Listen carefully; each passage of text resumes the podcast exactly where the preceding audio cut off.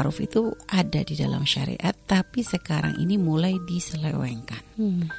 Sehingga ada istilah pacaran tapi diberi nama ta'aruf. Jadi ini kadang menjadi rancu.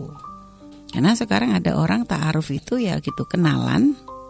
Setelah itu nanti jalan bareng, pokoknya sampai menemukan kecocokan.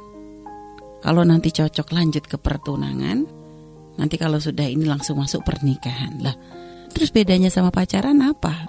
Kalau dia harus terus bersama, itu kan sama aja dengan pacaran. Tapi kadang gara-gara yang melakoninya pakai hijab, terus yang laki-lakinya nggak mau sentuhan, akhirnya langsung dihukumi, oh ini ta'aruf yang benar.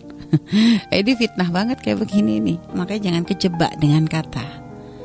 Jadi memang kita harus mengetahui yang sesuai gambaran ta'aruf dalam Islam itu apa sih?